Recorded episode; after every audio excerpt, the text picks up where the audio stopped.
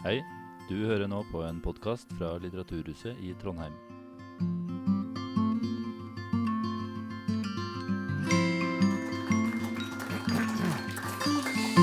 Hei og velkommen til denne samtalen om Kim Leines forfatterskap. Eh, og da med hovedvekt på denne eh, nesten, altså to tredjedels ferdige triologien, eh, som jeg har valgt å kalle Karoline-triologien. Hva kaller du den?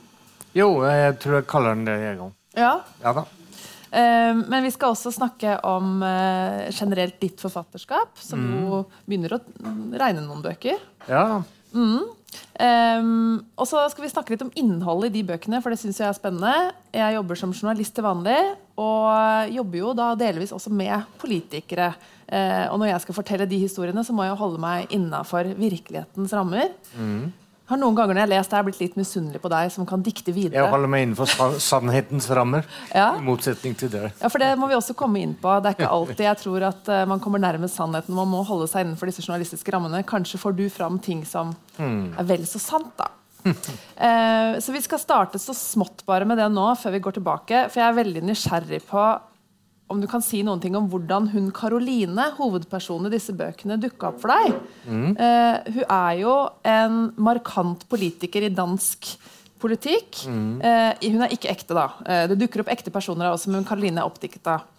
Hun er langt ute på høyresiden eh, og nøler ikke med å si ting som islam er den nye nazismen. Eksempel, i debattprogrammer på TV, som er jo en ekstremt standpunkt. Eh, og hun, har også, hun kommer fra en politisk familie. Faren hennes har eh, starta dette Demokratisk allianse, som hun også er en del av.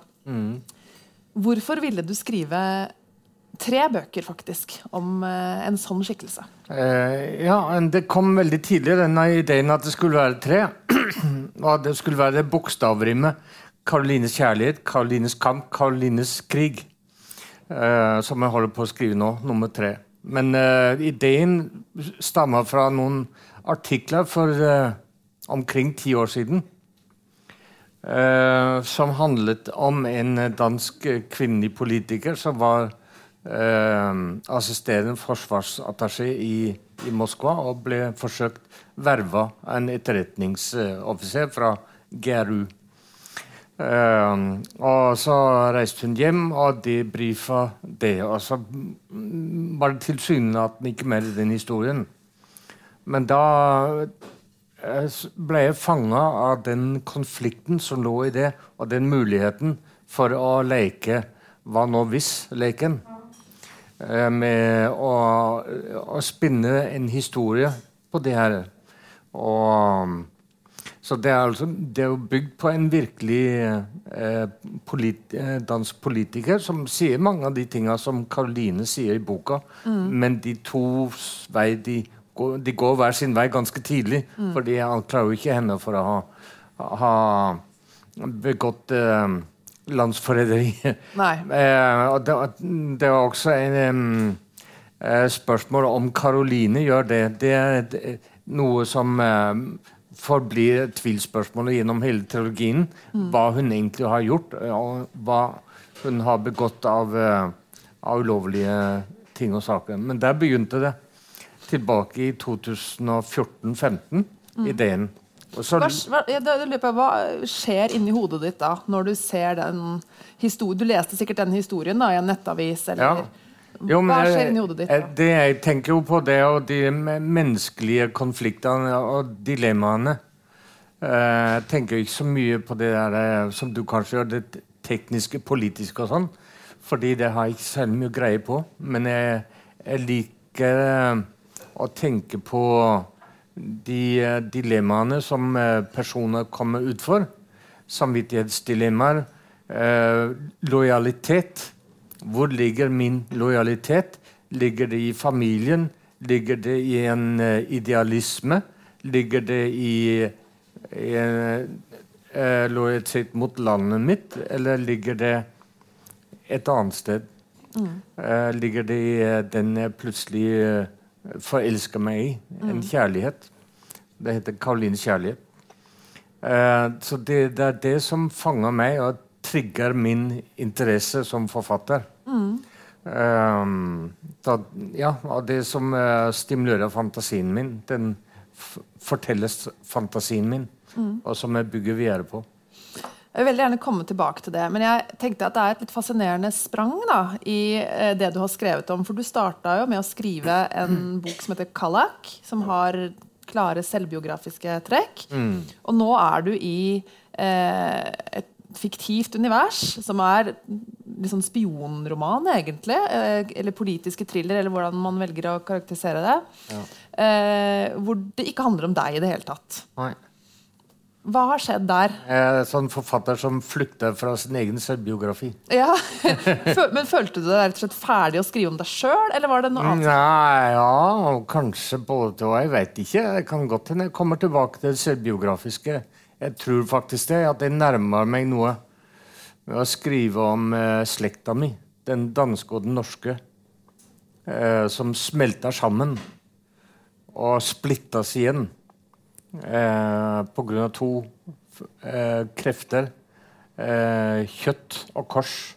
Sex og religion. Det er det som får det til å samles og får det til å splitte. Men det er en helt annen historie. Men eh, da jeg hadde skrevet 'Kallak', som jo var selvbiografisk, som var faktisk én til én eh, selvbiografisk, og person, hovedpersonen heter det samme og har min historie, da følte jeg at jeg hadde bruk for å bevise at jeg var en riktig forfatter. Så jeg vil ikke gjøre en Knausgård og gå fra det fiksjon og inn i det selvbiografiske rommet som er så innelukka og litt uh, illeluktende osv. Og, og innestengt og klaus, eller knaustrofobisk, kan du nesten kalle det. ikke sant? jeg ville gå den andre veien. Mm. Snu meg og gå ut i den virkelige verden og skrive fiksjon. Og det kan kanskje høres ut som en selvmotsigelse, men det syns jeg jo ikke det er, fordi jeg syns jo fiksjonen har en særlig interesse for den fysiske verden. Mm.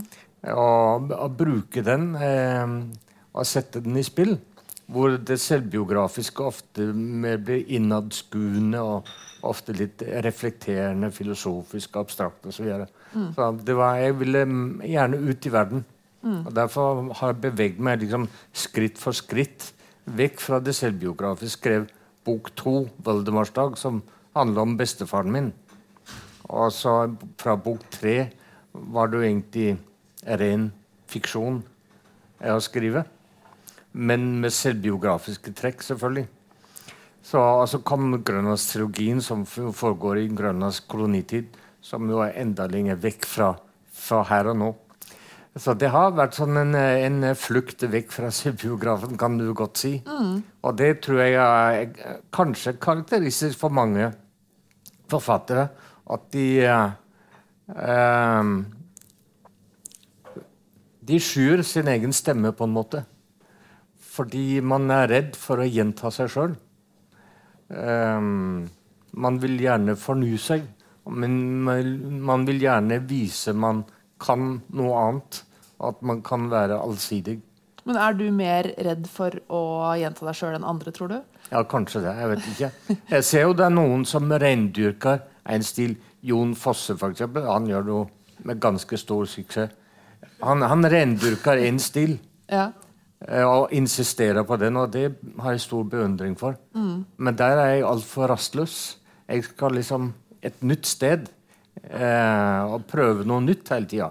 Og der tror jeg Karoline-trilogien er uttrykk for, for den rastløsheten. Mm. Og fjerne meg først fra det selvbiografiske, og så fra det historiske.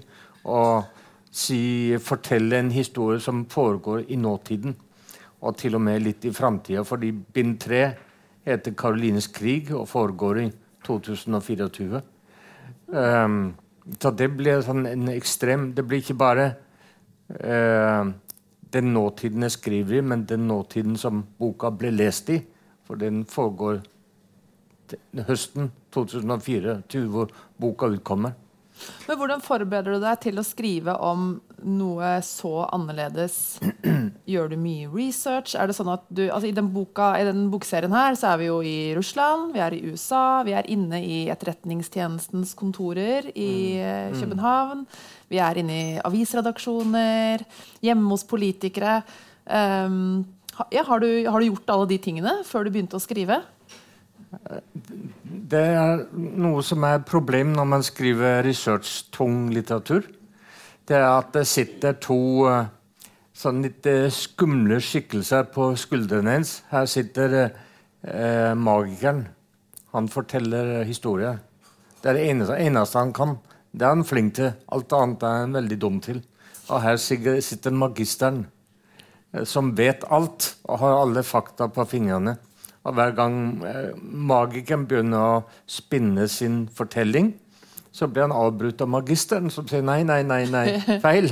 Feil år, feil bilmerke, eh, osv. Og, og da blir magikeren usikker på seg sjøl, fordi han er sånn nevrotisk, selvhatende type. Så han eh, sier å nei, jeg, jeg, kan jo ikke det her, og jeg er så dum. Og, jeg er veldig usikker på seg sjøl. Og så dør fortellingen. Og Det er litt eh, den faren som er med å overresearche. Så en skal passe seg for ikke å researche for mye. Så Min eh, taktikk har egentlig vært å, å, skrive boka først, og så gjøre research etterpå. Um, men uh, ja, det har endra seg litt. Ja, Men hvor nærme var du da, da? Når du da hadde begynt å skrive på ting, og så gjorde du litt research etterpå? Ja, var det noe har, du måtte korrigere? Det har endra seg litt, fordi uh, nå, uh, magisteren han har liksom fått litt mer selvtillit. Ja. Han ser på de bøkene jeg skriver, og han tenker OK. Magikeren, eller magi magikeren? Magikeren, magikeren ja, mm, han har fått, har fått mer selvtillit. Så nå har jeg begynt å researche litt mer. Ja. Og så har jeg lest en del bøker om det her. Og jeg snakka med noen folk som driver med de her tinga, og har brukt en konsulent som har vært 15 år i Russland som en slags spion. Han vet Jeg skulle ha vært i Russland. Jeg pleier alltid å dra dit som bøkene mine foregår. Så jeg hadde en billett til eh, St. Petersburg og Arkangelsk den 26. februar 22. Og det måtte jeg jo avlyse. Mm. Uh, så jeg har ikke vært der. Jeg har aldri vært i Russland. Men han har vært i Russland, og han har lest igjennom, han har hjulpet meg løpende. Så Det har vært en del av researchen. Også å lese politiske biografier, bl.a. om Trump. Jeg har lest fire bøker om Trump for å prøve å forstå den der skikkelsen. Ja. Eh, og i det hele tatt eh, Anne Applebaums eh, demokratiets Hva heter den på norsk? Aftendem... Nei, hva heter det? Skumringstime. Mm. Kona mi ringer. Må, hun må vente til etterpå. um, Hvor mye Donald Trump er det i Caroline i bøkene her, da? I Karolines kamp er det jo Han har en slags cameo-rolle, kan du si. Han dukker opp mm. og er der. Men ellers så spiller han en liten rolle som in persona. Men uh, han, hans innflytelse er over det hele. Fordi Karoline eh, i bok to. Da har hun blitt eh, eh medlem av det danske Folketinget. Og er jo populistisk høyre nasjonal politiker som er veldig russlandsvennlig og Putin-vennlig. Dette er 2016. Og det er det noen som ikke er så begeistra for, bl.a. på den amerikanske ambassaden hvor uh, ambassadøren Rufus Gifford og hans station chief John Carter de stikker hodene sammen og sier kan vi ikke tilby henne der Caroline en slags studiereise til USA, så hun kan oppleve verdens beste demokrati i aksjon? De er jo demokrater. Jo da, og det tar hun imot. Og Så reiser hun til eh, USA, og så dumper hun rett ned i Trump-kampanjen. Og eh, finner det veldig interessant. Alt det, de ting som er i gjerdet der. Også Steve Bannon, sjefideologen uh, til uh, Trump. Mm. Alt det han står for. Uh, og kommer hjem til Danmark og har lært noe viktig i sin politiske karriere hvis mål er å, å bli statsminister. Mm har lært en viktig ting å lyve. Og han har lært eh, at løgnen ikke er løgn. Hvis den gjentas ofte nok, da blir løgnen sannhet. Og Det er den lærdommen hun får ut av, av denne studieturen de sender henne til i USA. Mm. Så på den måten er eh, hviler Trumps eh, person eh, over denne boka, den innflytelsen han har. På moderne politikk. Fordi det er mange som, som betrakter Trump som er dyktigere enn Trump, og som venter på at det blir deres tid. og At de kan komme til. Og at de har litt mer kontroll på sakene. Så bruker de noen av trumpismens eh, Fordi trumpismen kommer jo til å overleve Trump. Og det er andre som, uh, som sikkert er flinkere til å bruke den enn en han er det. Så det kan vi jo se fram til. Og så det er noe av de tinga jeg har tenkt mye på mens jeg skrev boka. Mm. Hvilken innflytelse han har på på moderne politikk.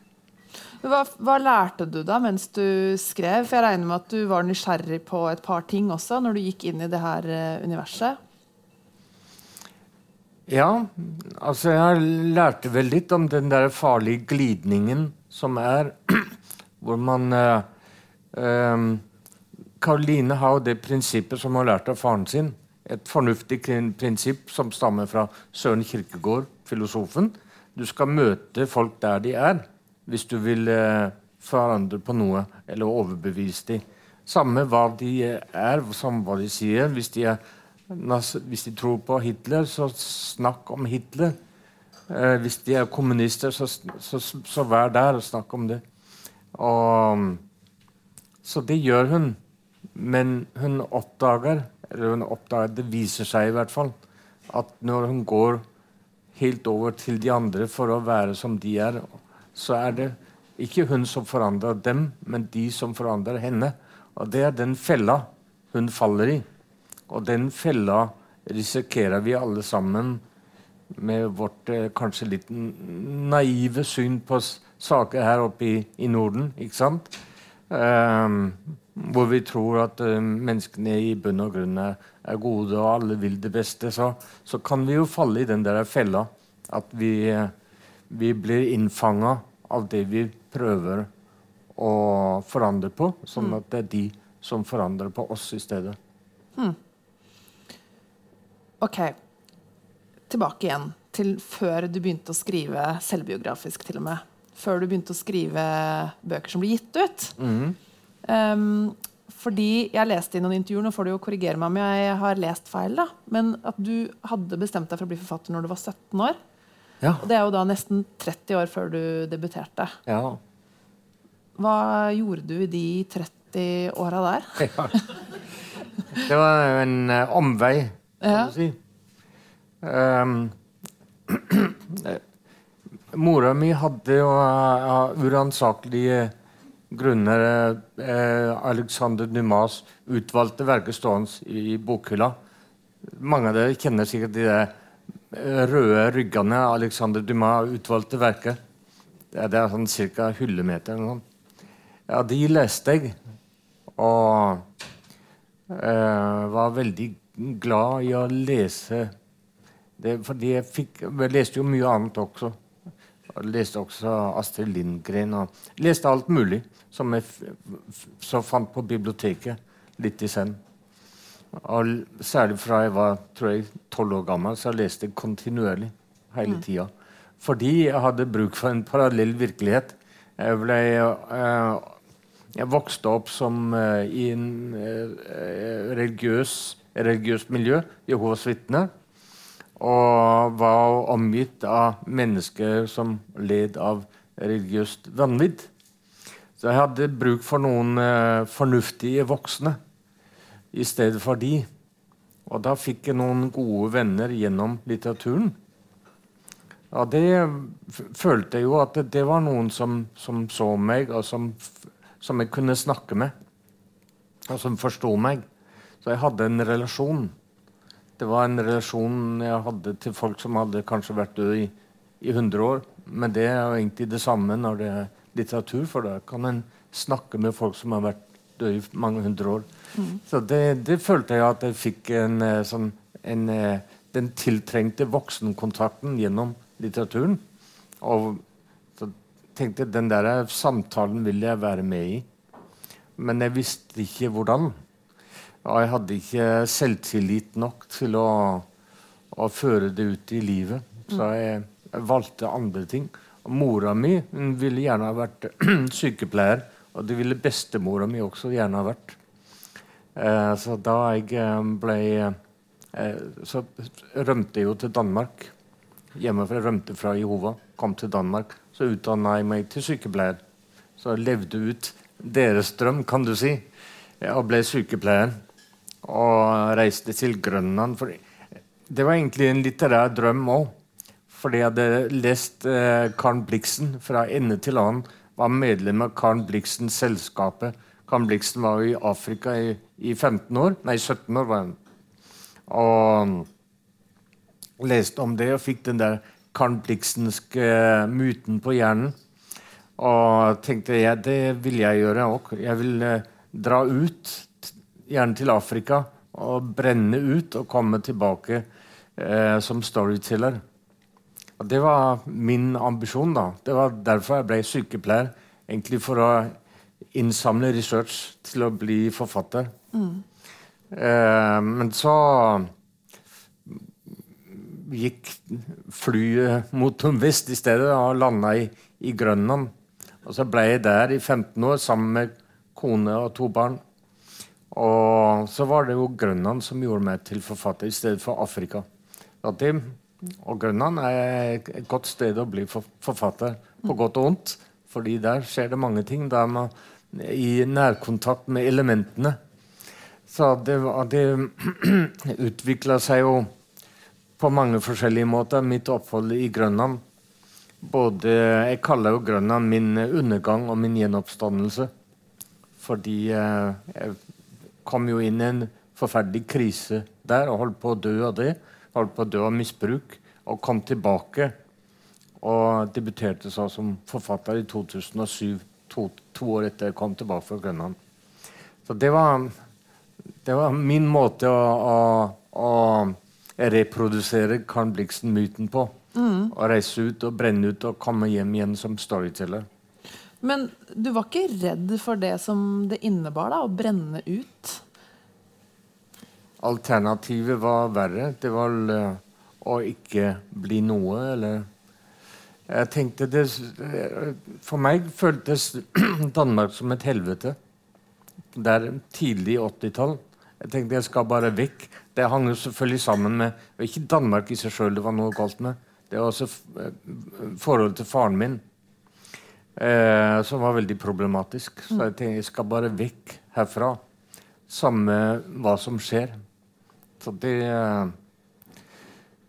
det var, det var jeg ganske fryktløs eh, med konsekvensene for, for å reise ut. Mm.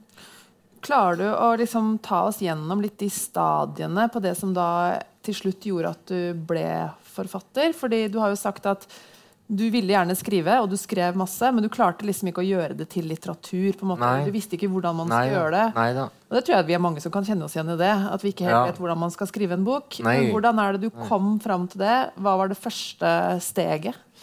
Jeg tror det begynte for alvor å skrive hele tida jeg skrev dagbøker og prøvd å skrive fiktive tekster. Sånn. Men jeg uh, har hele tida merka at det ikke dugde.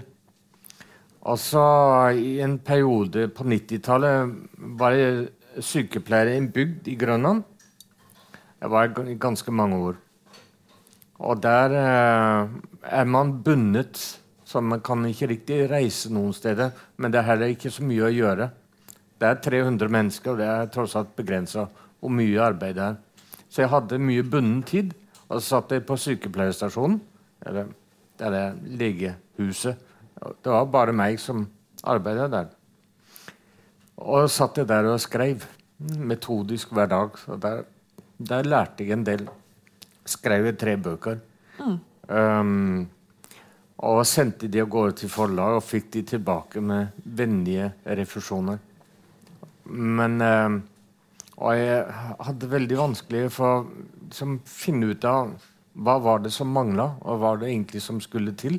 Fikk du kommentarer på disse som du Ja, kunne bruke til noen ting? da? Eller? Noe jeg riktig kunne bruke. Ganske oppmuntrende. De sa det var godt. Det var ikke godt nok, men det, mer var det ikke det. Um, og så kom jeg ut i den der krisa og kom tilbake til eh, Danmark. Um, og satte meg ned og skrev om uh, meg sjøl. Og da hadde det kommet en ny nerve i språket og en eh, akutt eh, følelse av nødvendighet som, eh, som gjorde at jeg følte at OK, nå funker det faktisk. Og da, da merka jeg det med det samme. Det her det, det er noe som blir til noe. Og det var, det var da jeg skrev på karakteren. skrev jeg på ca. seks måneder. Hva gjorde du underveis? da? Snakka du med andre om det? Viste du til noen? Sendte du det til redaktører? Jeg snakka med ekskona mi. Ja. Vi hadde blitt skilt i 2000, og dette er i 2005-2006. Og viste til henne, eh, fordi hun var en person i boka. Og hun leste det og sa hun, jøss, dette var godt, det skal du eh, gi ut, sa hun. Og jeg har jo hjulpet deg med researchen, så det syns jeg, er på sin plass det kom ut. Og det var, det var nok for meg. Ehm, så sendte jeg det av gårde til forlaget. Og så kom, utkom det. Var det en følelse av liksom lettelse når du da nådde målet ditt? Det var vel egentlig det. På en måte var Jeg tror jeg, jeg hadde En del av denne tida hadde veldig morfinabstinenser. Og jeg tror jeg hadde det i mange måneder. Var, var litt rar i huet. Uh, så jeg tror jeg var litt megaloman, egentlig. Jeg tenkte dette er jo bare helt normalt. Det er som det skal være. Det var alt det andre som var feil. Nå er det som, bare som det Nå er det blitt som det skal være. Så det var, jeg følte ikke lettelse. Jeg følte bare OK, nå, nå er det blitt som det skal være. Nå var du liksom kommet opp på null? Ja da. Ja. Det er den følelsen jeg hadde. Eh, det er litt rart det med å være forfatter, fordi en skal både være megaloman og selvovervurderende. Men man skal også være ydmyk. Og en skal kunne finne ut av å veksle mellom de to. Og det kan være litt vanskelig. For, men hvis du vil skrive en bok på 500 sider, så er du nødt til å være selvovervurderende. Fordi det er egentlig en umulig oppgave. Men når du så skal skrive den gjennom, når du skal eh, snakke med redaktøren, og sånn, skal du skifte til å være ydmyk. Så den eh, vekslinga mellom de to er veldig nødvendig. Så det, det, det, skulle jeg jo lære. Hvordan har det forandra seg nå som du ikke bare har gitt ut mange bøker etter hvert, men også vunnet Nordisk råds litteraturpris? Det er jo ti år siden nå, da.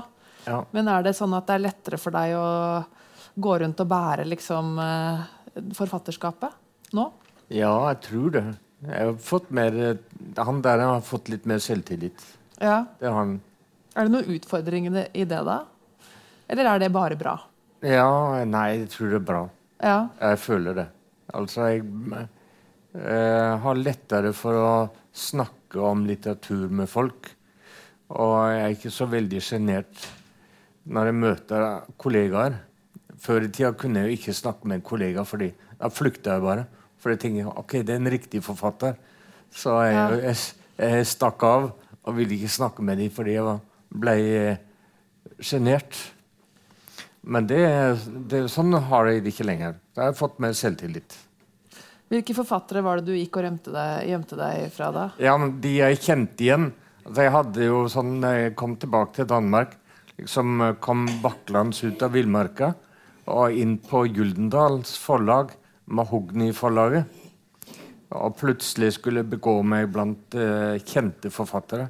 Men jeg kjente de ikke igjen. Jeg, jeg visste ikke hvem de var.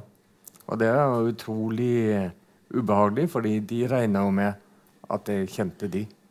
Men jeg kom til å liksom eh, jeg, jeg trodde de var eh, redaksjonsmedarbeidere sånn. Det ble de fornærma ganger. Så jeg visste jo tidlig at jeg på en måte ikke hørte til i det miljøet. Men det er sikkert eh, sånn en felles ting for de fleste forfattere at de, Man må føle seg litt som en outsider og være litt utenfor. Det tror jeg egentlig alle, eh, alle forfattere føler. Og det, det føler jeg fortsatt. Jeg går aldri til resepsjoner, i hvert fall ikke hvis jeg kan slippe for det. Og fester på forlag og sånn, det går jeg heller ikke til. Det gjør det ikke? Nei. Aldri. Hva hvis noen, eh, eller Har du merka at noen noen gang har liksom blitt sjenert overfor deg? For at det er så, å, der er det en ordentlig Ja, det er noen som, eh, som eh, plutselig behandler meg som om jeg er en berømthet. Og det, det er jo ganske overraskende og rart. Ja, Det er sikkert vanskelig å se på seg sjøl på den eh, måten. Men en ting som jeg har tenkt på Du har jo vært åpen i flere omganger eh, om at du hadde en, en krevende ungdomstid, også med misbruk. Eh, du ble utsatt for overgrep av din egen far. Du sleit med både alkohol og andre rusmidler i flere år. Kunne du ha skrevet de tingene du har gjort, hvis ikke du hadde opplevd de tinga? Jeg kunne sikkert klart meg med litt mindre research. jeg tror det. Ja. Jeg hadde den der driften i meg veldig tidlig, at jeg ville skrive. Da jeg, jeg, treger, jeg er ikke fordi jeg treger på å bli sykepleier. Det er en veldig nyttig utdanning til, som, som forfatter. Det er greit å ha falle tilbake på. Ja, nei, det er, tror jeg ikke vil bli så populær på hvis jeg Nei, ok. altså, Jeg har gått og tatt av medisinskapet i flere år, så tror jeg ikke jeg skal tilbake til det. Nei, ok. Nei. Men det er en god erfaring å ha vært sykepleier når man skal være forfatter, fordi man har en fortrolighet med menneskekroppen. Som er, den er veldig nyttig å ha. Så det, men jeg, ellers så treger jeg litt på at jeg ikke gikk på universitetet i stedet for å bli sykepleier. Jeg tror det ville ha vært bedre for meg. Ja, Det har du nevnt i flere av de intervjusammenhengene jeg har eh, eller både lest og hørt. Hva er det du ser på universitetet som? Hva kunne det ha hjulpet? Det er fordi det er mer utfordrende, eh, kreativt utfordrende. Og hvis du har den kreative energien i deg, og du ikke forløser den, så vender den seg mot deg og prøver å drepe deg. Så du skal, hvis du har den, den der energien, den, eh, den vil ha sin rett, og den vil ikke høre på fornuft. Eh, så hvis du prøver å fortrenge den og velge snu ryggen til den, så vender den seg mot deg og prøver å ødelegge deg. Så Hvordan ser det ut da, når den snur seg mot deg? det eh, ser ut på den måten at man får en, eh, en eh, selvdestruktiv atferd med alkohol og narkotika eller sex eller hva som helst som er usunt og destruktivt. Så selvdestruksjon, det er kreativitetens hevn når den ikke får sin rett. Spennende. Så det går altså, er, det, er, det noe flere kjenner seg igjen i? holdt jeg på å si? At man må liksom bruke Man kan ikke bestemme seg for å bli eh, sykepleier. bare sånn, Nå blir jeg en sånn A4-fornuftig type. Går ikke det an? Nei, Nei? nei da. Det, det gikk ikke for meg. Nei. Altså, jeg, jeg tror det er masse av de som har gått nedenom og hjem, som eh, har tatt feil valg, eller ikke klart å finne hvilken kanal de skulle eh, finne til kreativiteten sin. Fordi det kan være vanskelig også. Du kan lete kanskje helt liv etter eh, Skal jeg spille gitar? Det har jeg prøvd. Lyktes ikke. Eh, Eller skal du male, eller skal du Hva skal du gjøre? Jeg fant det der med litteraturen ganske Det visste jeg jeg skulle gjøre. Så for meg var det ingen tvil. Men mange kan sikkert leite et helt liv etter, etter eh, en vei til krea den kreativiteten. Den kreative energien, uten å finne den. Og hvis de ikke finner den, så s- tror jeg altså at de går nedenom og hjem. Men i perioder hvor ikke du kan skrive da, og eh, lage ting Du har jo en del barn, blant annet, som jo krever sitt. Ja, ja. Hva skjer da hvis du må eh, Når du har hatt babyer, f.eks. Nå er jo barna dine litt større nå, da. Mye bleieskift og våkenetter og sikkert lite sånn kvalitetstid foran tastaturet. Hva skjer med humøret og sånn da? Jeg Spør kona mi. Men Du var eh, jo på, vi fikk jo ikke prate med meg. hun vet at jeg skal eh, jobbe hver dag. Men jeg bør ikke jobbe en hel dag hele tida. Da ungene var små, jobba jeg kanskje bare to timer om dagen. Det var nok. Jeg skal holde ilden i gang. Eh, bare den er det, så har, føler jeg fred i sjela. Men nå når ungene er større og går på skole, og sånn, så jobber jeg hver dag fra åtte til tre. Og har en sånn helt slavisk rutine med det. Og det, det er som eh, Holder jeg villskapen, eller alt det galenskapen som er i det å skrive, holder den inne i den kontortida. Og så etter klokka tre reiser jeg meg og går ut av kontoret og er familiefar. Og det, det er ikke noe problem. Men det er også nødvendig å komme ut av den bobla der, og så ikke være der hele tida. Um, så det har jeg det veldig fint med. Hva er du mest stolt av å ha skrevet? Nei, det vet jeg ikke. Jeg, um, selvfølgelig var den første boka jo helt avgjørende. Det- og det var så heldig at det kom til den riktige redaktøren på det riktige tidspunktet. Det var den som var helt avgjørende. Men jeg syns um, uh, Den som heter 'Etter åndemannen', som er nummer tre i min grønlandskirurgi, der syns jeg på en måte jeg får aktivert alt det jeg har lært til nå. Eh, der er det research og det menneskelige og fortelle historier og det, det polyfom Hva heter det? Polyfonetiske. Uh, altså flerstemmigheten. Og, bruke den på en uh, musikalsk måte. Eh, så der syns jeg på en måte jeg har, har oppnådd ja, høydepunktet av det jeg kan inntil nå. Så jeg kan jo svare den, da. Men jeg, jeg har det jo alltid sånn at uh, fjorårets bok det er noe gammel dritt. Det er nå har jeg, holder jeg på med noe annet. Det er det som er det viktigste. Boka jeg skriver nå, er den viktigste jeg skriver noensinne. Så jeg har på en måte lagt de gamle bøkene fra meg. Hva er følelsen for de her nå, da? Ja, Nå er jeg jo i gang med trilogien, så det er faktisk et sammenhengende verk. Som først er ferdig når jeg er ferdig med bok tre, 'Karolines krig'. Så det tenker jeg på som en helhet. Så det er fortsatt liv i de to der. Ja. Ja. Um, I disse åpningskapitlene her da, så får vi jo møte de skikkelsene som du har eh, skrevet om denne gangen. Uh, og jeg har litt lyst til at du skal begynne å Eller kan jeg spørre dere først, hvor mange her er det som har lest eh, en eller flere av disse? Og det, var- å, det var mange, ja! ja. Det var jo nesten samtlige, det. Er det noen som har lest nummer to? Den kom jo sist uke. Den. Ja. Det er noen som er ekstra ivrig på Den kom forsinka fra, fra trykkeriet, dessverre. Så den, jeg tror ikke den har blitt anmeldt ennå. Den hadde ikke kommet til alle butikker i Trondheim når jeg ringte rundt for et par dager siden. Mm. få den i fysisk, så ja. Ja, ikke sant? Ja. Det er rift om Kim Leine i Trondheim for tiden. Det høres fint ut. Ja. Ja. ja, men Det er interessant. eh, Og da tenker jeg, det passer jo også å si at det blir eh, rom for spørsmål etterpå. Hvis det er noe dere har lyst til å spørre om om disse bøkene eller Anna, så har Kim sagt at det er han helt åpen for. Um, men jeg syns det er litt uh, morsomt å gå litt inn i litteraturen her òg, og høre litt hvordan um, Karoline blir presentert i uh, bok to. da. ja.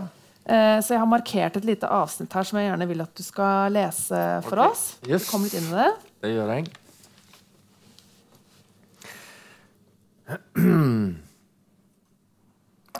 Ja, jeg skal finne ut av sjøl hva det er for noe. er vi, vi er hjemme hos Karoline eh, sammen med mm, journalisten. Å ja, det er Karolines kamp, ja. Jeg Ja. trodde det var kjærlig. Den første, da. Ja. Ehm, Karoline ble intervjua av Jesper, som er eh, journalist. Og de har tidligere vært kjærester. Han, han ser at hun stivner. Hvor har du det fra? Det er et rykte om, om partiet hun er med i. Demokratisk allianse. en kilde tett på ham, sier Jesper Skov. Er det Morten Kamp? Det kan jeg dessverre ikke si. Jeg ringer til Bartram. Han vil si det samme. Er det mange som snakker om dette? Han føler at makt, maktbalansen har endret seg i hans favør, men han følger det ikke opp.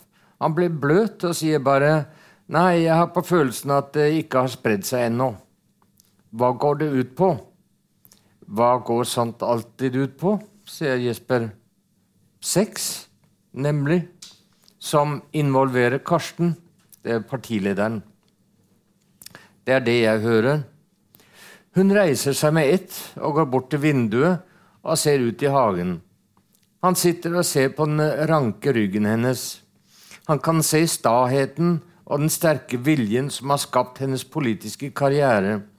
Men han kan også se anspenthet og det ampre temperamentet som noen ganger spenner bein for henne.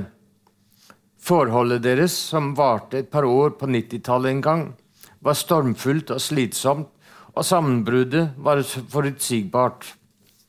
Han var ofte redd henne. Han lot ofte være å si sin mening om ting. Hvis han sa noe galt, viste hun ingen nåde. Det hopet seg opp. Så kom Olga inn i livet hans. Og så kom han ut av det, og nå later Karoline som om det var hun som brøt med ham. Det er ingenting som tyder på at hun er blitt mildere med alderen. Takk for at du forteller meg det, sier hun, fortsatt med ryggen til. Det er tydelig at hun står og grubler på det han har sagt. Ja, takk. Grunnen til at jeg ville at du skulle lese det, er jo selvfølgelig for at vi skal få se litt av Karoline. Men jeg synes også at her er en av mange passasjer da, hvor du får fram det her med hvor ulike virkelighetsforståelser folk har. Mm. Og det leker du jo også med når du har flere karakterer som kommer til orde i disse bøkene. Um, hva vil du med det, å ha ulike personer som snakker sammen, og det å vise fram hvordan Eller å leve deg inn i da, uh, ulike ståsteder og virkeligheter? Jeg syns Karoline, som er så veldig langt fra alt jeg står for og tenker, og hvordan jeg eh, manøvrerer i verden, syns jeg er veldig interessant å prøve å leve meg inn i. Det syns jeg er fascinerende. Men da følte jeg jo jeg hadde bruk for en, et slags kon kontrapunkt til henne. Et motstykke som ser ting fra den andre, som kan nyansere det og kan så det vekser, point of view, altså synsvinkelen, skif, skifter mellom de to. Så man kan se Karoline fra Jespers side og se Karoline fra Karolines side, og det samme med Jesper. Se han både innenfra og utenfra. Så det, der, det syns jeg er tror jeg er litt inspirert av Ian McEwan, fordi han gjør det samme. Uh, han syns jeg er veldig fascinerende forfatter med hvordan han går inn i personer, trekker seg ut Eh, justere synsvinkelen. Um, så det er vel egentlig bare det jeg bruker det til. Å, å prøve å se en person fra flere forskjellige vinkler. Mm. Blir du overraska sjøl når du skriver disse tingene fram? Uh, ja, altså de uh, Som jeg sier på dansk De tar røven på meg. Ja.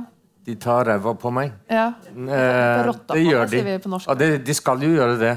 De skal ikke få altfor mye vak, eh, makt. Men eh, særlig dialogen. kan du si, Der får de liksom egen, sitt eget liv og sin egen dynamikk. Og der kan de finne på å si ting som kommer helt ut av det blå. Hvor kommer det fra? Ja, Det syns jeg er veldig moro.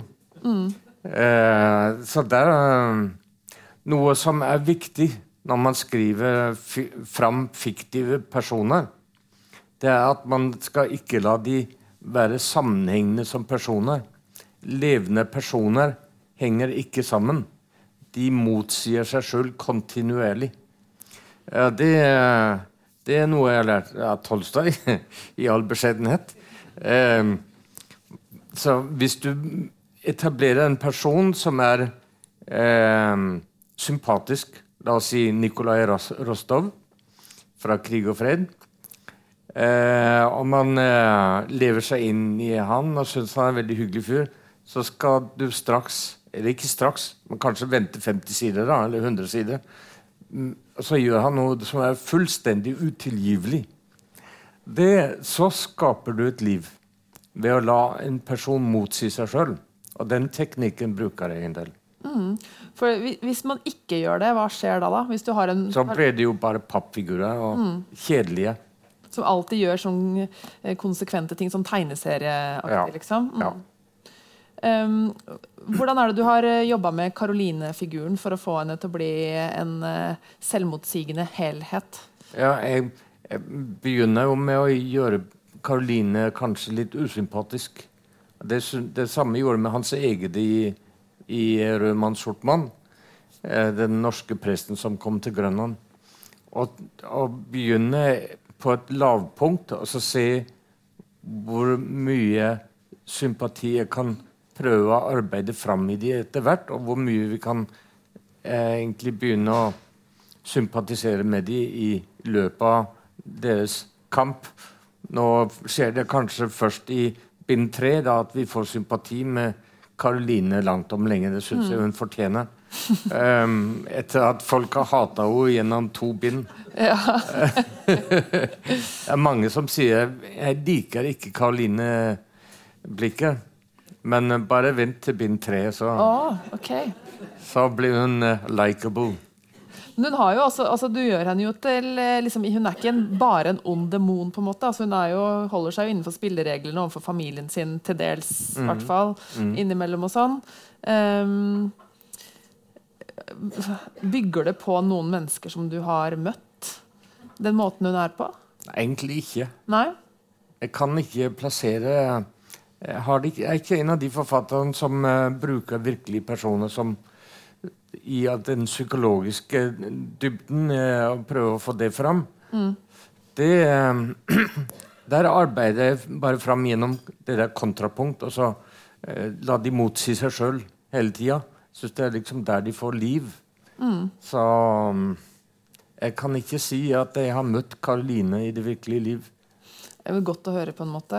Um, det er jo en eh, karakter til som eh, dukker opp her, som jeg veldig gjerne vil at du skal få lese litt fra.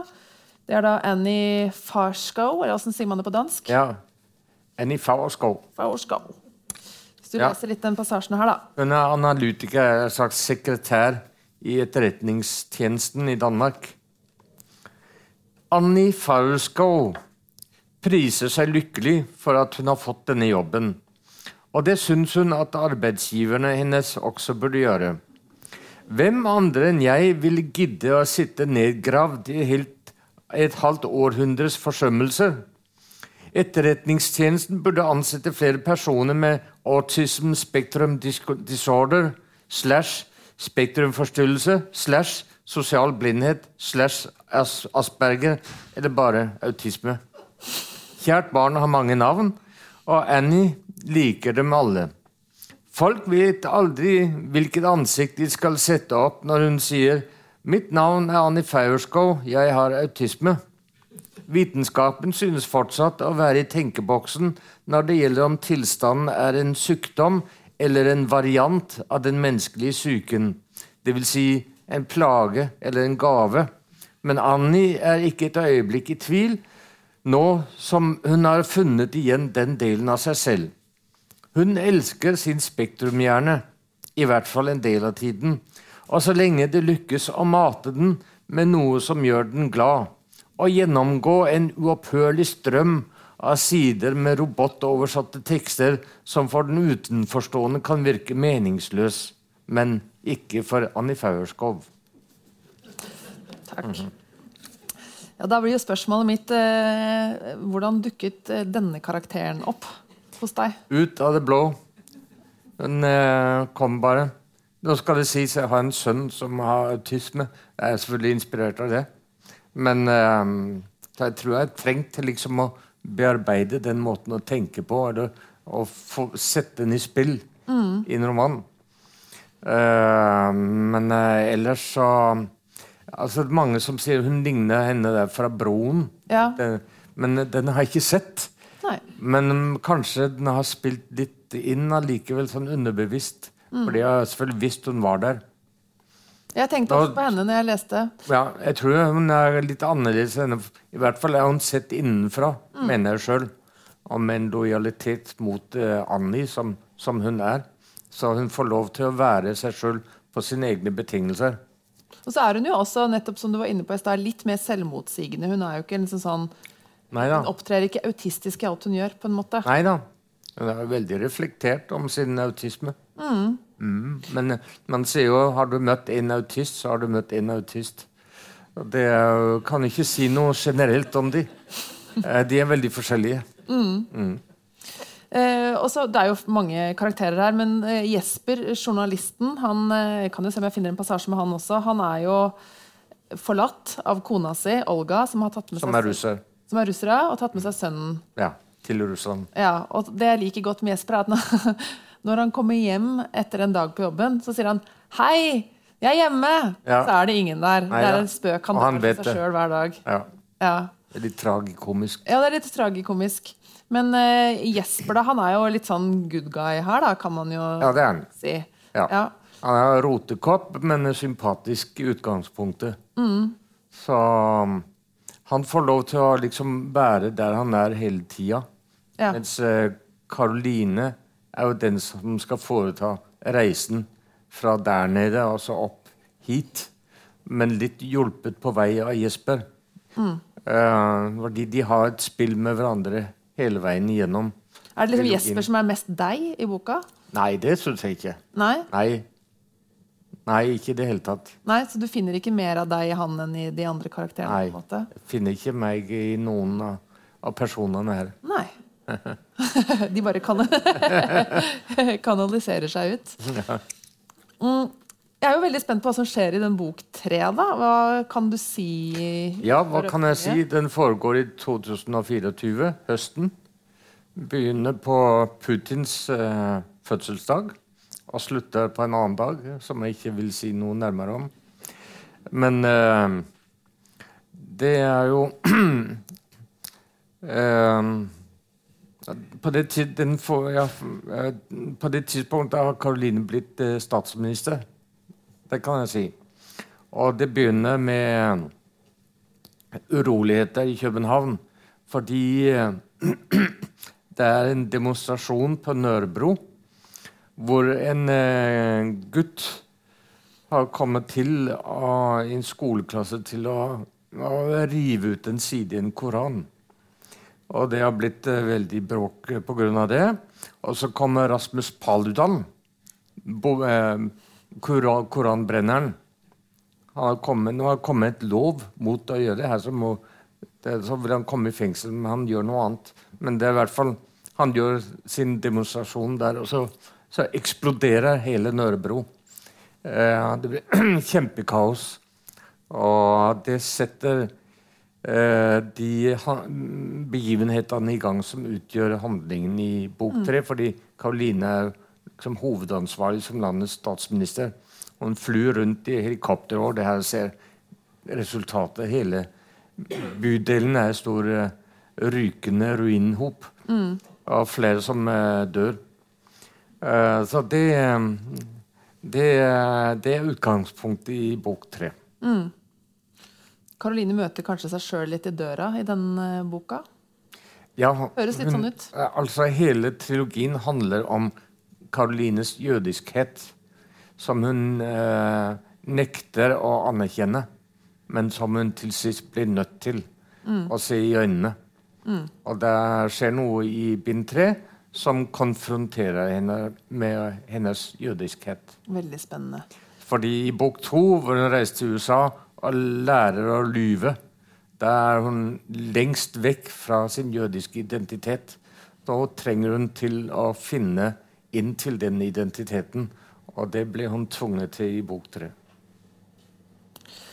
Vi snakka litt sammen på forhånd eh, om tilbakemeldinger som du har fått. Når du har, skrevet, nå har du gitt ut to eh, i Danmark, så har jo den her andre også fått leve litt lenger foreløpig. Eh, og du har fått tilbakemeldinger fra folk som kjenner disse maktens korridorer godt, og som sier at du har, du har truffet blink. Ja, det er fullstendig tilfeldig, for det har ikke vært min mening å, å treffe blink i det hele tatt. Men uh, det har jeg åpenbart gjort allikevel. Også en, en, eh, en cyberekspert som skrev til meg for et par dager siden. Og sa det er akkurat sånn som det foregår det med henne. Han, som jobber, i, eh, han jobber i Etterretningstjenesten, da? Eller i FE, som det heter her? Nei, han jobber ikke der. Jeg husker Nei. ikke hvor han jobber. Ja. Men han arbeider med cybersikkerhet i en eller annen offentlig instans. Jeg husker ikke hvor.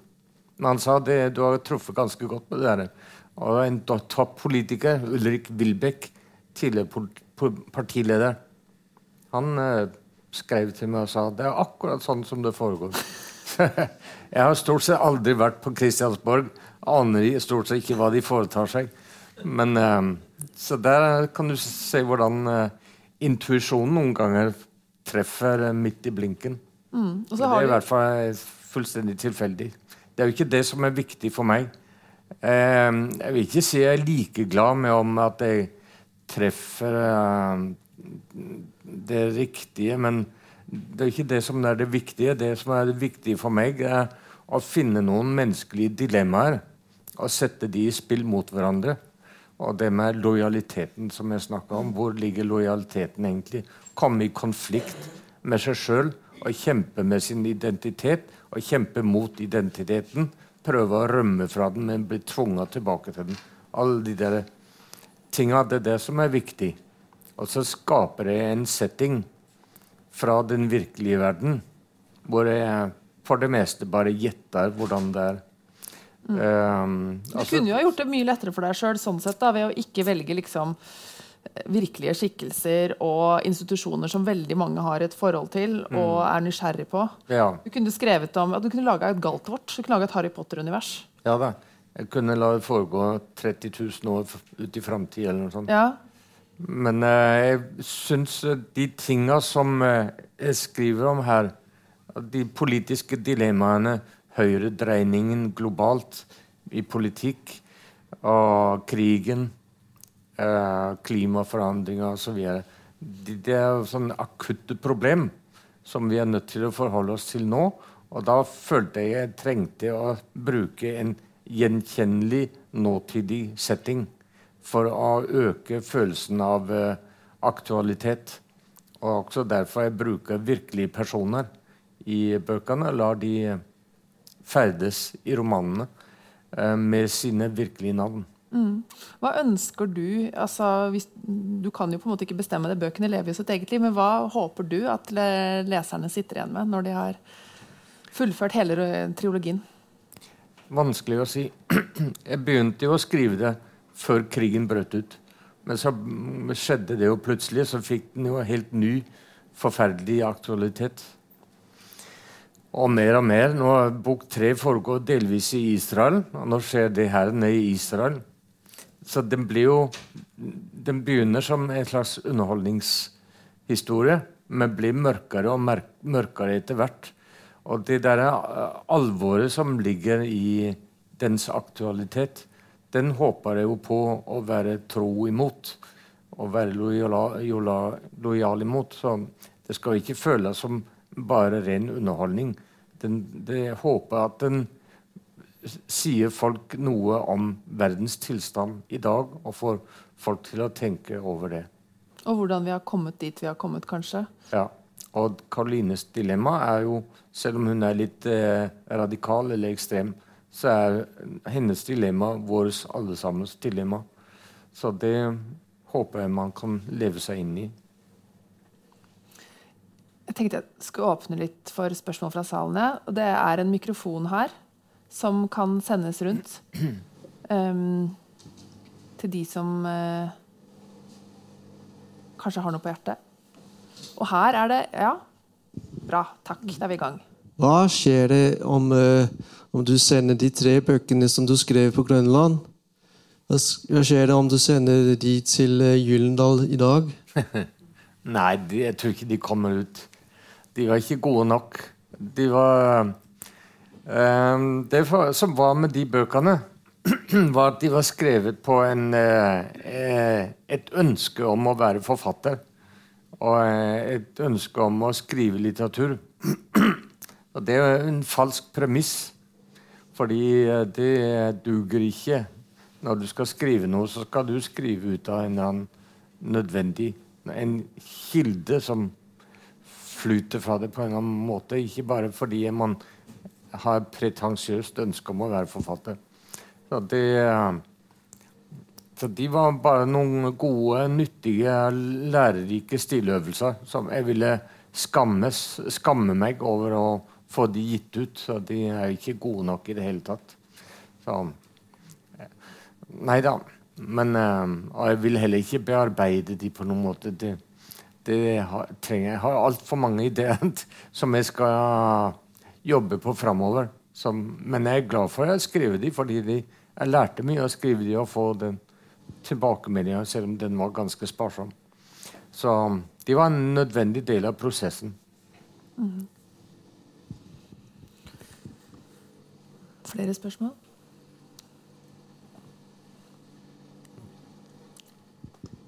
Der. Ja, hei. Takk for en veldig interessant samtale. Eh, jeg må jo si at jeg har nettopp lest eh, bind to. Eh, og bind én da, da, det kom ut. Mm. Da den kom ut. Og jeg må si at jeg tilhører nok dem som er rimelig irritert over denne hovedpersonen ja. og hennes utvikling. Noe ensidige utvikling, vil jeg si. Mm. Og når du snakker om lojalitet, så vil jeg jo si at hennes lojalitet er til seg selv.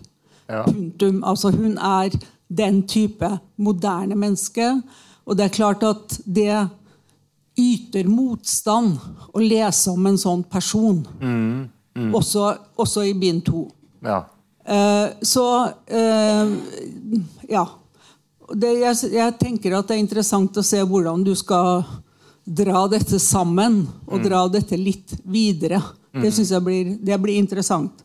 Og det er sånn, Jeg har irritert meg over den andre boka, men som det var en anmelder i Danmark som jeg leste, som skrev ja, også litt irritert, men kommer til å lese neste bok. Ikke sant? Kommer til. Er med. Ja. Selv om som blir så, denne dama er helt skrekkelig. For det syns jeg jo faktisk at hun er. Og hensynsløs i det hele tatt. Mm. Og så tar du deg jo en del politiske friheter. Mm. Ja, som også man kan lure på, både i forhold til Russland og USA. Mm. Eh, hvor ting heller ikke er spesielt eh, sympatisk. Kanskje. Og så hadde bare, jeg synes det var interessant, for jeg har jo skjønt at dette er Caroline K. Caroline K. altså Det er kjærlighet og kamp. Eh, og så kommer krig. Men jeg syns at du Når du sa tittelen på den siste boka, så syns jeg at jeg hørte Karolines skrik. Og det var på en måte For det var litt sånn når jeg slutta å lese boka. da var jeg sånn det var nesten så jeg skrek av litt irritasjon. Og det er ikke så dårlig. Nei. Det er ikke så dårlig, det, egentlig. Å få en del sånne Å få leserne til å bli litt irritert. Ja. Ikke sant? Jo da. Samtidig som du tenker ja, ok, ok, jeg tar med neste. Jeg syns det er greit hvis man får et uh, ubehag av å lese ei bok. Ja. Det pleier jo ikke være det som er meninga når man leser underholdningslitteratur. Mm, spørsmålet om det egentlig er underholdningslitteratur, det vet jeg ikke riktig. Men i hvert fall så uh, har det jo vært meninga at Karoline eh, skulle begynne der, men at hun har i seg noen sterke personer, en lidenskap, som eh, eh, forbereder den Det håper jeg i hvert fall blir en slags forløsning i eh, bok nummer tre. Ja, Når øh, tenker du den kommer? Neste år? Året etter? I, øh, om et års tid. Om et års tid, ja. akkurat. For den kommer jo samtidig i Norge, antagelig. Den kommer samtidig som den foregår. Ja. ja. ja. Ja. Føler ikke takk. på press da, når folk nå sitter og liksom bare Når kommer den, liksom? Nei, jeg vet at det, den kommer. Det er ikke noe problem, egentlig, det. Nei. Nå har jeg skrevet 150 sider på den. Så jeg tror det går bra. Ja. Veldig bra. Hvis ikke det er noen flere som brenner inne med noe Det var det, ja. Hei. Hei. Du har uh, bodd på Grønland. Ja. Over lang tid. Flere år. Ikke bare på Grønland, men også på Vest-Grønland. Ja. Og du har beskrevet menneskene, typene, psykologien på en veldig spennende måte. Greier du bevisst å vite om du bruker noe av den forståelsen du fikk av den grønlandske kulturen og måten å leve på? Du må snakke inn i mikrofonen, tror jeg. Så, og måten å leve på? Hørte dere ingenting? Nei, men altså, poenget er at det er en ganske sånn annerledes måte å leve og være sammen på og ha et sosialt samvær, det man har på Grønland. Og det preger selvfølgelig de menneskene som bor der. Når du så skriver historier fra andre steder, bruker du av den forståelsen bevisst som du har av hvordan grønlenderne organiserer seg, lever sosialt, tenker og forstår? Eller, klar, eller rutter du helt ut og starter fra ny? Om jeg, om jeg bruker det når jeg skriver om, om Ja, om andre ting, altså om Karoline og whatever. Ja um, Jeg syns jeg har fått litt uh, At det har blitt litt grønnere. Jeg pleier å si jeg er 100% norsk og 100% dansk. Og 33 grønlender. eh, så det, det tror jeg har, har fått litt em, det livssynet. Og det handler mye om å, å leve litt mer i nuet.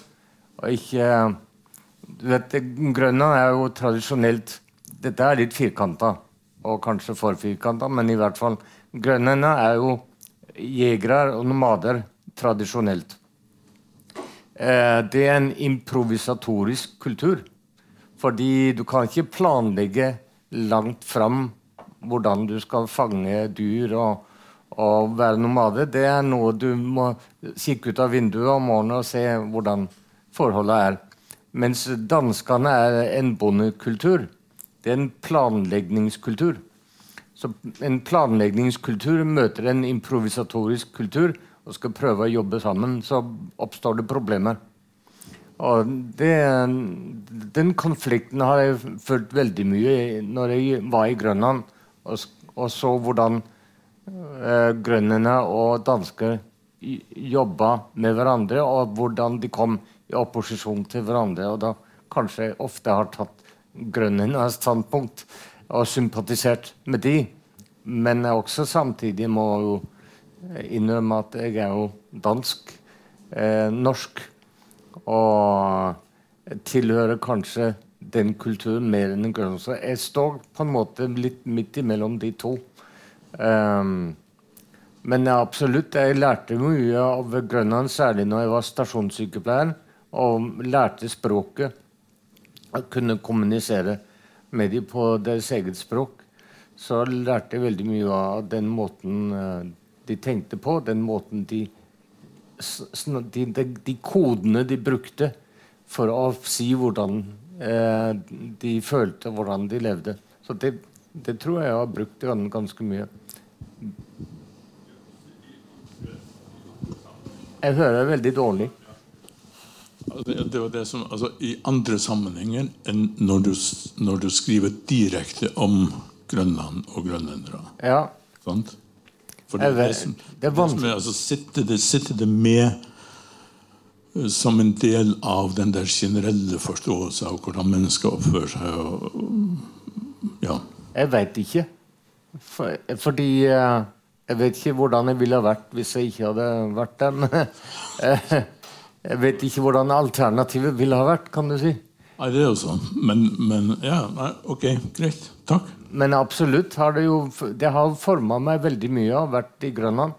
Um, men jeg har vanskelig for å se på hvilken måte Fordi det å være nordmann, det betyr veldig mye for meg, det òg. Det naturfølelsen min. Den kommer mye fra Norge, og litteraturforståelsen kommer fra norsk litterær tradisjon. Eh, Danmark har bidratt med andre ting. Og Grønland mm, mm, kanskje mye med den måten å være sammen på sosialt. Um, har jeg, det har påvirka meg. Så det har blitt blanda sammen. Så jeg har veldig vanskelig for å skille de fra hverandre og si hva som er hva. Uh, Jeg er selv født på Færøyene og oppvokst der. Gått i skolen i Danmark og bor nå i Norge. Så Ja, ja. Du kjenner problemet. Hvis det er et problem.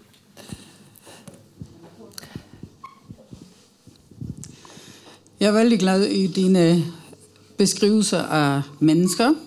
Jeg er psykolog. Jeg kan godt lide de der brydninger, og spesielt også Karoline-bøkene. De koster universitetet en arbeidsdag. fordi jeg kunne Kan du ikke legge... Karoline? Hva? Kan du like Karoline? Både og. Okay. Både og. Men altså, jeg kom ikke på jobb en dag, fordi jeg måtte lige læse bogen ferdig. Men øh, der var en bog, som jeg læste her i sommer, som jeg stadigvæk grubler over. Ja. Og det er dansk standard. Ja. Hva i all verden ville du med den? Altså, den har jeg problemer med å forstå. ja, men det er mange som har hatt eh, problemer med den. Dansk standard. Så hva var det du tenkte på Ja, hva du tenkte skrev den? Nei, jeg hadde bare lyst til uh, luftforandring og skrive om noe helt annet. Så um, Dansk standard, det var egentlig bare tittelen eh, som spøkte i mange år. Fordi det er faktisk en dansk virksomhet som heter Dansk Standard. Det heter Dansk Standardiseringsorganisasjon. Og de, eh, oppgaven deres er å standardisere ting, så de passer inn i samfunnet på forskjellige måter. Og det syns jeg var så utrolig fascinerende. Eh, og da utvikla denne litt Kafka-aktig eh, personen seg. Eh, som vandra inn i denne virkeligheten som heter dansk standard. Så det ble jo en, en slags absurd, eh, marerittsaktig historie.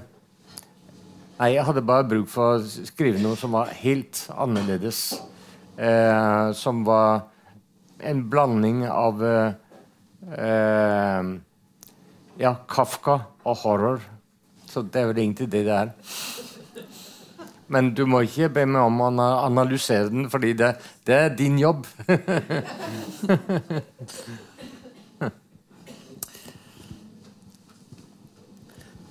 Nå er det et spørsmål på andre flanken her. Der, ja. Hei. Jeg lurte litt på i forhold til språk. Du oversetter til norsk sjøl, har jeg skjønt? Jo. Eh, Hvilke av de språkene er ditt hjertespråk, og hvilke utfordringer har du når du skal oversette til norsk? For jeg har skjønt at du har bodd i Danmark i ganske mange år du Ja. Jeg kom til Danmark da jeg var 17 år gammel. 16-17 år gammel. Så de, eh, Norsk det er jo forbundet med tidlig etablert følelsesliv, kan du si. Og det, det er følelsesspråket mitt, eller det irrasjonelle språk, kan du også si. Det underbevisste Eller det, kanskje det lyriske språket. Mens eh, det på dansk vil kalle rugbrødspråket. Det det er det danske. Det er det rasjonelle, rasjonelle språket. Språk som er forbundet med skolegang og jobb. Og oppdra unger, hverdag, alt det derre. Voksenliv. Det er det fornuftige språket. Så jeg skriver bøkene mine på dansk først. Unntatt eh, den som heter 'De søvnløse'. Den skrev på norsk først. Men eh, jeg skriver på dansk først. Og så eh, oversetter jeg, eller gjenskriver de til, eh, til eh, norsk. Jeg har et godt forhold til eh, forfatteren, så jeg kan ta meg en del friheter. Eh, og da eh, ser jeg noen ting gjennom det norske språket som jeg ikke har sett i det danske. Og det er ofte de derre eh, tilgangen til det irrasjonelle språket. Det er viktig å skrive irrasjonelt for å få en tekst til å fungere, ellers blir den kjedelig. Hvis du skriver en bok bare med rasjonelt fornuftsspråk, så blir det gørrkjedelig. Eh, Vi trenger litt av det irrasjonelle, selvmotsigende språk, eller skape litt språklig forvirring. Ja, desorientering. Og det, det har jeg tilgang til gjennom det, det norske eh, språket. Så, der, så da fører jeg det tilbake til den danske utgaven. Så har de begge to litt eh, nytte av hverandre, den, både danske og den norske. Jeg kan også si at jeg har i noen bøker tatt meg ganske mange friheter når jeg har skrevet på norsk. Bl.a. den som heter 'Avgrunnen', som er krigsroman. Eh, der er det flere kapitler på norsk enn på dansk.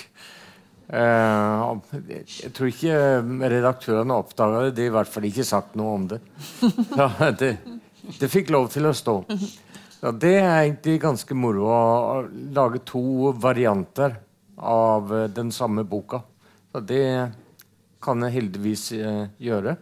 Og jeg får lov til nå å utgi bøkene mine på norsk kontrakt og dansk kontrakt, sånn at de kommer jo som fullgyldige norske og danske verk.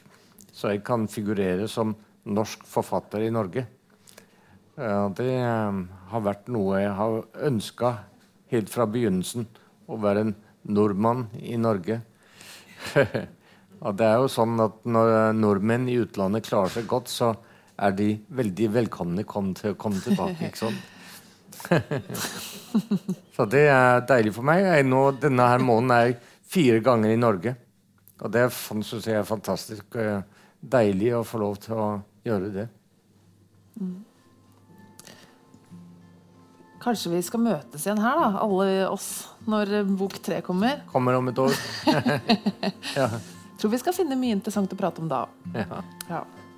Men da kan vi jo runde av og si at det blir eh, mulig å få sine bøker signert eh, der borte. Ja. Og takk for praten. Selv takk.